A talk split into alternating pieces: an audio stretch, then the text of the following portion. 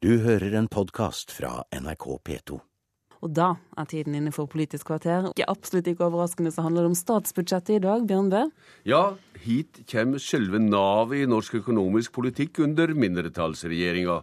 Og blir det svartår for kommunene under ny regjering, spør vi.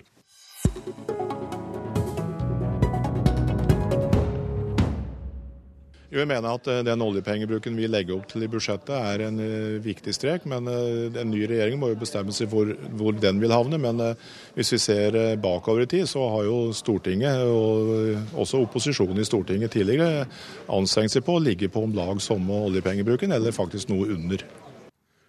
Finansminister Sigbjørn Johnsen i går. Mindretallsregjering og nytt liv rundt budsjettinginger i Stortinget er det som venter. Hans Olav Syversen fra Kristelig Folkeparti, du skal være leder i finanskomiteen i Stortinget, og det har lova å hjelpe regjeringa fra Høyre og Fremskrittspartiet med budsjettet. Det er på en måte du som er navet nå i den økonomiske politikken. Hva endringer ønsker du i budsjettet fra de rød-grønne? Jeg får først takke for introduksjonen. det skal jeg ta med meg. Og så er det jo sånn at vi i fellesskap, eh, de fire partiene, skal sørge for, eh, regner jeg med, at vi får et uh, budsjett uh, vel i havn uh, før jul, i motsetning til visse andre land. og så blir det, som du innledet med, forhandlinger i Stortinget også.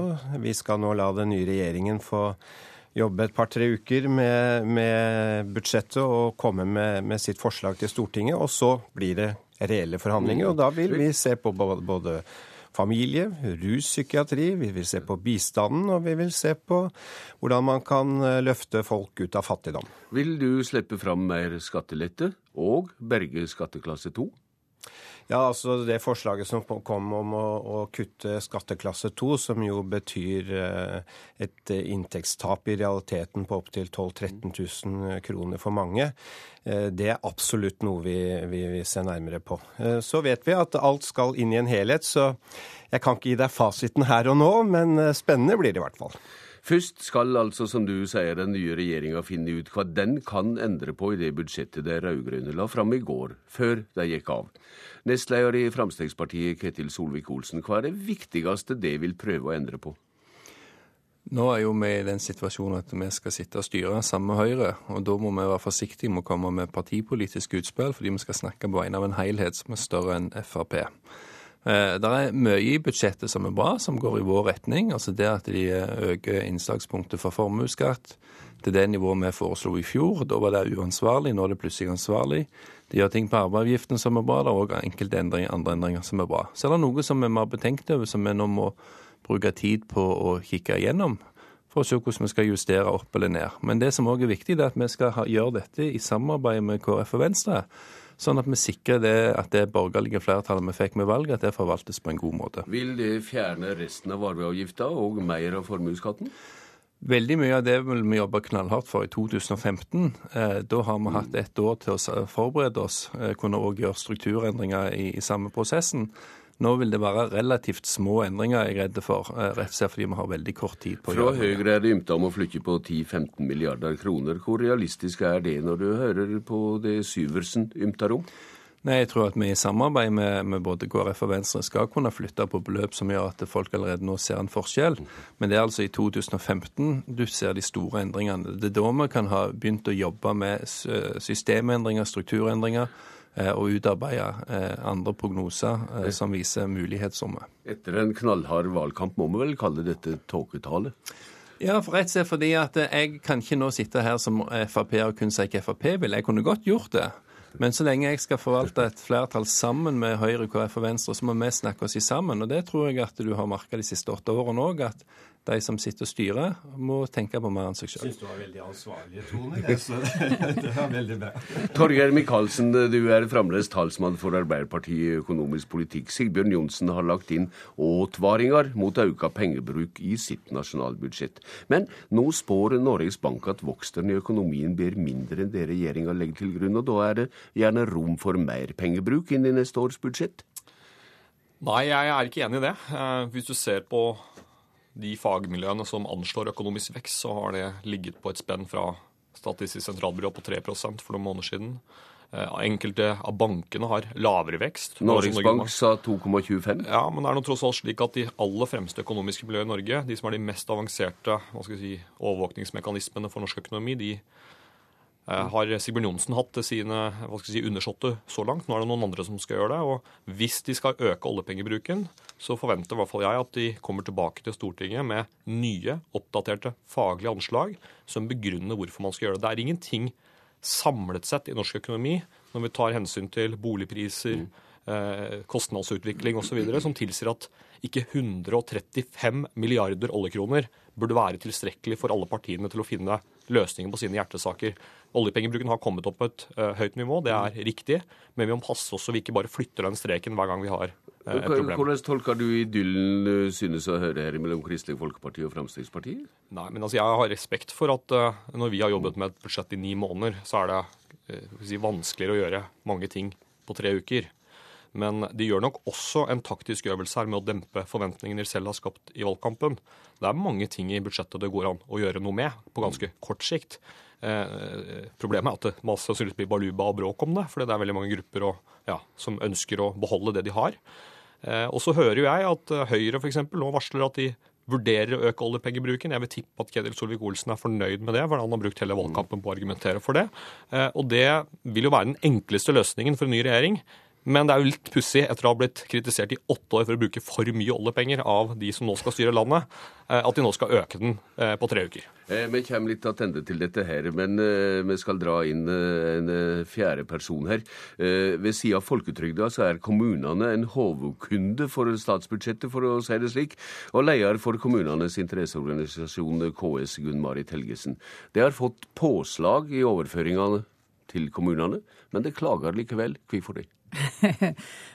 Nei, vi klager ikke, men jeg har lyst til å si at alle penger som eh, går til kommunene, går jo til velferd til folk flest. Eh, og det er ikke penger man bruker til forgodtbefinnende. Dette er jo velferdstjenester som, som, alle innbyggerne setter pris på, og som de har krav på. Så jeg har bare lyst til å si at eh, ja, det er store tall vi snakker om. Men alle disse pengene går til oppgaver som er bestemt av regjering og storting. Og alle partiene har lovet enda mer i valgkampen på gode formål som innbyggerne ønsker seg. Så faktisk er at Veksten i frie inntekter, fri inntekter dekker akkurat eh, pensjon og vekst i folketall og endringer i folketallet. slik at det, eh, det, er ikke så veldig mye ekstra. Det er mye penger, men det er også mer føringer og mer oppgaver. Ja, men eh, disse føringene eller øremerkingene eller hva du vil kalle det, det gjelder viktige oppgaver som skal fylles, i alle fall? Helt, helt klart, men det er også viktig å få sagt at eh, det er prioriteringer, politiske prioriteringer som regjering og storting har gjort. Og så kan det tenkes at kommunene enkeltvis har litt andre prioriteringer og litt andre behov enn akkurat det som kommer frem i disse eh, løftene og disse eh, prioriteringene som da regjeringen har gjort i kommuneopplegget. Og så er det misnøyde med at det er kutta 214 millioner kroner for å være nøyaktig i ordninga for særlig ressurskrevende tjenester. Hva er din reaksjon? Det er veldig overraskende at de har nettopp tatt den posten. Den har vi tatt opp med regjeringen i hvert eneste møte vi har hatt. Fordi dette er en stor utgiftspost for eh, kommunene, og den øker dramatisk år for år. Og det er, eh, det er virkelig mennesker som har behov, og som nå plutselig får en reell innstramming. Så dette får store konsekvenser for de kommunene som har den typen eh, brukere, og som har mange av de, og de vokser som sagt fra år til år. Eh, og det er, det er ikke noe man kan bare velge å ta bort. Syversen, kan du hjelpe Helgesen med flertall for å hindre kuttet til pleietrengende under 67 år? Jeg må nok si at det, det var et av de kuttene fra, fra, sittende regjering eh, som overrasket meg mest. Eh, for jeg syns det er jo en eh, veldig dårlig sosial profil i det kuttet også. Eh, som eh, Gunn Marit Helgesen sier, eh, her har kommunene brukt stadig mer penger på det. Så enten må nå kommunene da fylle opp det som staten tapper denne ordningen for, eller så blir det jo et dårligere tilbud. Ketil Solvik-Olsen, hva kan du love kommunene? Er det allmenn tilstramming for å skunde på den varsla kommunereforma? Det er ikke noe poeng i seg selv å skru igjen økonomiske rammer og dermed tvinge de inn i armod og, og derfor tvinge fram endringer. Vi ønsker jo å bedre de kommunale tjenestene. Eh, vi har jo sagt vi skal ha en omfattende kommunerestrukturering. Men det skal jo skje på ryddig vis, ikke gjennom sultefòring av kommunene. Men jeg er helt enig med Syversen her at akkurat det, de endringene de rød-grønne har gjort her, vitner jo ikke om veldig sosialt sinnelag. Og det er jo nærmest sånne ting som, som svekker tilliten til kommunehelsetjeneste og andre ting. Torgeir Micaelsen, du rekker opp handa nå. Jeg gjør det. er, du er det fordi at du vil si noe? Det, det de nå snakker om, eh, er en veldig forsiktig innstramming i en ordning som har eksplodert eh, både for kommunene, men også for, for staten, som tar en stor del av regninga. Ja, det, det, det, er ikke slik at noen enkeltpersoner bør eh, få noe dårligere tilbud. Dette er hva skal vi si, plan, planmessig rettighetsfestet i eh, lov om at personer som har den type behov, mm. skal få de tjenestene.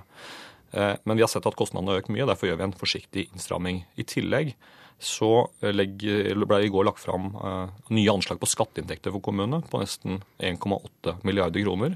Det er penger som nå kommunene får beholde, og som er et bidrag til å si, dempe noe av akkurat dette.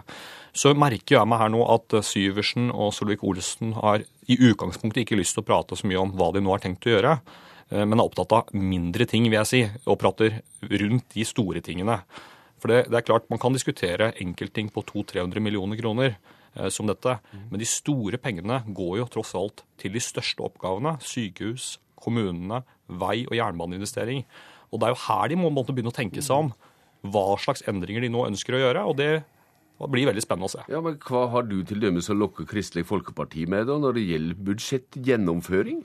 Ja, jeg mener jo fortsatt, og jeg har sagt det til både Hans Olav Syversen og til Hareide og på din radiokanal mange ganger, at jeg mener at Kristelig Folkeparti eh, ville fått mer igjen ved å samarbeide med oss enn med eh, de andre. Men det er et valg eh, hva skal jeg si, KrF har gjort, og det respekterer jeg at de har gjort. Og nå er det de som har ansvaret for å få et budsjett gjennom. Men de skal få stå til ansvar for det de gjør både KrF og ikke minst den nye Høyre-Frp-regjeringen. For dette kommer ikke til å bli smertefritt hvis de skal gjennomføre både skattekutt og investeringer og velferd i den takten de har lovet velgerne. Nei, det blir det vel ikke, Syversen? Jeg er jo en høflig mann, så jeg svarte jo på de spørsmålene jeg, fikk. Og jeg skjønner at Torgeir Micaelsen syns det var smått eh, når det gjelder eh, særlig ressurskrevende tjenester i kommunene. Jeg tror ikke alle der ute syns det.